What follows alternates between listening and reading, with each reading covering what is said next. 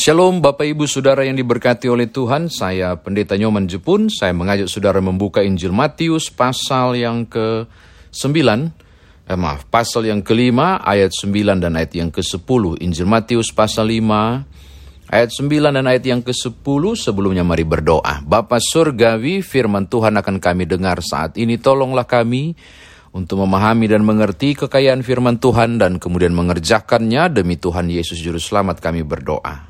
Amin. Injil Matius pasal 5 ayat 9 ayat yang ke-10, Injil Matius pasal 5 ayat 9 dan 10 berbunyi demikian. Berbahagialah orang yang suci hatinya karena mereka akan um, berbahagialah orang yang membawa damai karena mereka akan disebut anak-anak Allah. Berbahagialah orang yang dianiaya oleh sebab kebenaran karena mereka lah yang empunya kerajaan Allah. Demikian firman Tuhan, saudara saya dikatakan berbahagia jika mendengarkan firman Tuhan ini merenungkannya, memberitakannya istimewa melakukan dalam hidup beriman kita sekalian. Bapak Ibu, pasal 5 sampai pasal 7 disebut sebagai rangkaian khotbah di bukit.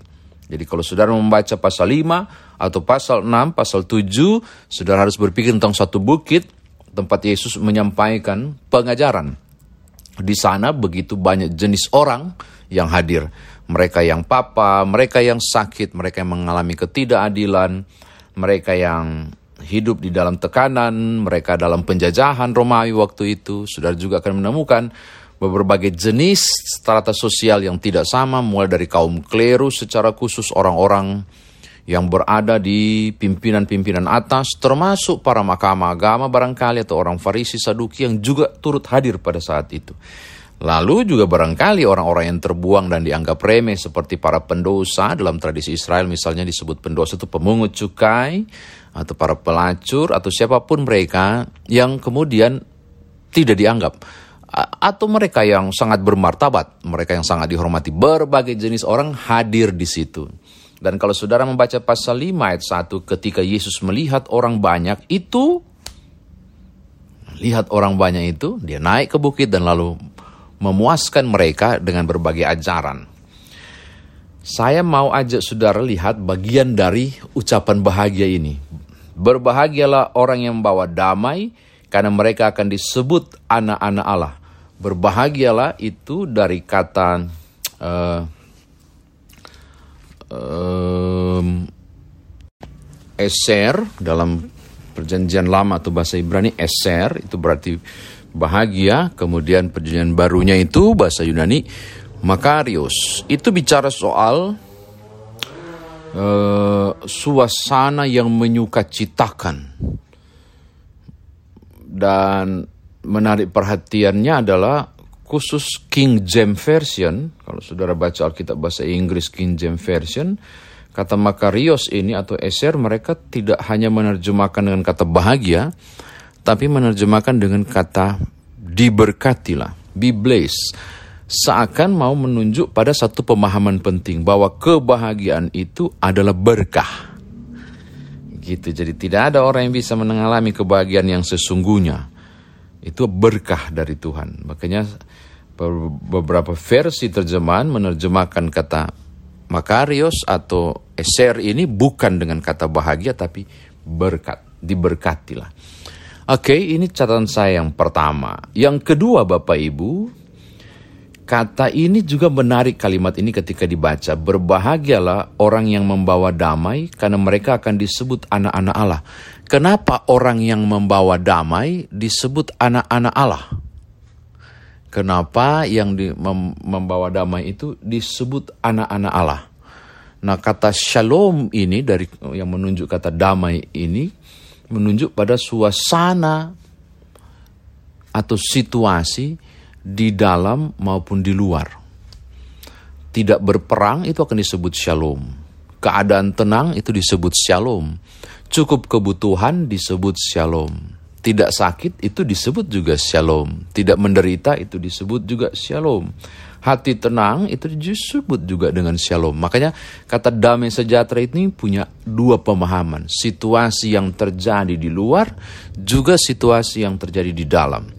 Kondisi secara psikis maupun kondisi secara fisik situasi yang bendawi maupun situasi yang rohani.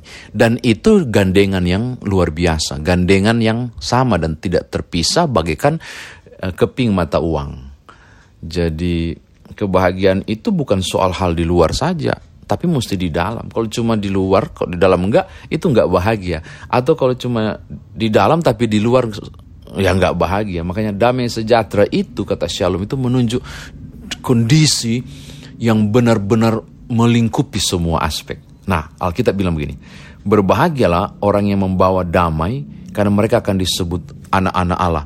Apa hubungannya membawa damai atau membawa damai sejahtera ke orang lain kok disebut anak-anak Allah? Kan harus cari tahu. Apa hubungannya saya bawa damai ke orang lain lalu saya disebut anak-anak Allah? Saya ajak saudara buka Ibrani. Ibrani pasalnya yang ke-13. Ibrani pasal 13 secara khusus ayat 20. Maka Allah damai sejahtera yang oleh darah perjanjian yang kekal telah membawa kembali di antara orang seterusnya. Perhatikan kata, maka Allah damai sejahtera. Damai sejahtera itu identik dengan Allah. Damai sejahtera itu entitas, identitas, sifat apa pun yang melekat pada Allah ketika orang bicara soal damai sejahtera, orang kan bicara tentang Allah. Sebab Allah adalah Allah damai sejahtera. Lalu kembali ke bacaan kita. Berbahagialah orang yang membawa damai karena mereka akan disebut anak-anak Allah. Loh, apa hubungannya anak-anak Allah dengan membawa damai? Allah itu adalah Allah damai sejahtera. Allah itu adalah Allah damai sejahtera. Lalu ke saudara membuka lebih jauh Efesus 1 ayat 5, oleh Yesus Kristus kita menjadi anak-anak Allah. Sementara Allah itu adalah Allah damai sejahtera. Bicara damai sejahtera berarti bicara Allah. Maka ketika saudara membawa damai sejahtera, saudara adalah anak-anak Allah. Nah, tangkap ya. Gitu, karena Allah adalah Allah damai sejahtera itu sendiri. Kemudian, ayat 10. Berbahagialah orang yang dianiaya oleh sebab kebenaran karena mereka lah yang empunya kerajaan sorga. Pada masa itu penganiayaan dialami oleh tiap orang, termasuk mereka yang percaya dan menyembah Allah. Oleh karena berbagai upaya menjatuhkan kehidupan Israel melalui penjajahan Romawi. Bahkan kemudian bait Allah runtuh kan tahun 70 setelah Yesus 70 tahun. Tidak mudah pada masa itu orang mengalami ketidaknyamanan dan penganiayaan karena kebenaran. Kepada mereka lah Tuhan berkata, mereka lah yang empunya kerajaan sorga. Bicara hal yang penting, karena kebenaran juga adalah identik dengan Allah. Allah adalah kebenaran itu sendiri. Siapa pun yang mengerjakan kebenaran, kendati pun dianiaya, tetap bertahan pada kebenaran. Bukanlah, bukankah mereka adalah juga ikut serta sebagai pewaris kerajaan Allah. Bukan empunya di sini bukan berarti yang memiliki, Pemiliknya tetap Allah, pewaris, kita bagian dari yang ada dalam kerajaan Allah ketika hidup saudara hidup di dalam kebenaran. Saya kira demikian firman Tuhan ditafsirkan. Nah sekarang bagaimana saudara dan saya bawa dalam kehidupan beriman kita. Buah itu jatuh tidak jauh dari pohonnya, konon katanya, kecuali jatuh di jurang. Apa yang diperbuat seorang ayah, sifat-sifatnya biasanya menonjol dan turun pada anaknya. Jika saudara berkata bahwa Bapa di sorga adalah Allah, Allah kami, dan kami juga memanggil dia Bapa, dan menurut Efesus 1 ayat 5 saudara adalah anak-anak Allah, sementara Allah itu adalah Allah yang mendatangkan damai sejahtera. Namun jika kehadiran saudara bagi orang lain tidak mendatangkan damai sejahtera, jika saudara berjumpa dengan orang lain di kelompok, di grup WA, komunikasi verbal saudara dengan orang lain, tindak tanduk saudara, justru tidak mendatangkan damai sejahtera bagi orang lain, saya kira beri tanda tanya besar dalam diri. Apakah aku anak-anak Allah atau bukan? Gitu loh. Jadilah pribadi-pribadi yang kehadiran saudara mendatangkan damai sejahtera. Bukan akhirnya mengacaukan dan membawa bencana. Hubungan saudara dengan orang lain harus baik-baik saja. Hubungan saudara dengan orang lain seharusnya mendatangkan sukacita bagi orang lain dan damai sejahtera itu. Maka jika saudara mendatangkan damai sejahtera bagi orang lain, Tuhan bilang begini, berbahagialah engkau. Berbahagialah. Karena engkau disebut anak-anak Allah. Wih, bayangkan kalau saudara dan saya disebut anak-anak Allah. Ketika Tuhan melihat kehadiran saudara, di mana pun berada, mendatangkan damai sejahtera. Dan Tuhan tersenyum dan mengatakan, Nyoman, wah, kau ini anak anakku yang kukasih. Jadilah pribadi yang mendatangkan damai sejahtera.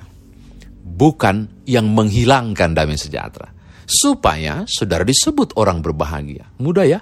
Bagaimanakah supaya saya bahagia? Saya tidak akan pentingkan kebahagiaanku. Tidak nyaman, saya tidak mau bergaul dengan dia. Tidak usahlah. Orangnya terlalu blabe dan CWA-nya itu tidak menyenangkan. Gak usahlah. Oh enggak. Oh enggak. Kebahagiaan saya tidak ditentukan oleh dia punya WA. Tapi kebahagiaan saya ditentukan oleh ketika saya tetap menghadirkan damai sejahtera untuknya. Walaupun dia tidak bikin saya sejahtera. Lalu Tuhan melihat saudara. Dan dia tersenyum. Hmm, ini anak-anak. Ini anak-anak ini. Dan dia disebut berbahagia. Oke, okay? amin. Ini hal yang ke pertama untuk dibawa pulang. Yang kedua Bapak Ibu.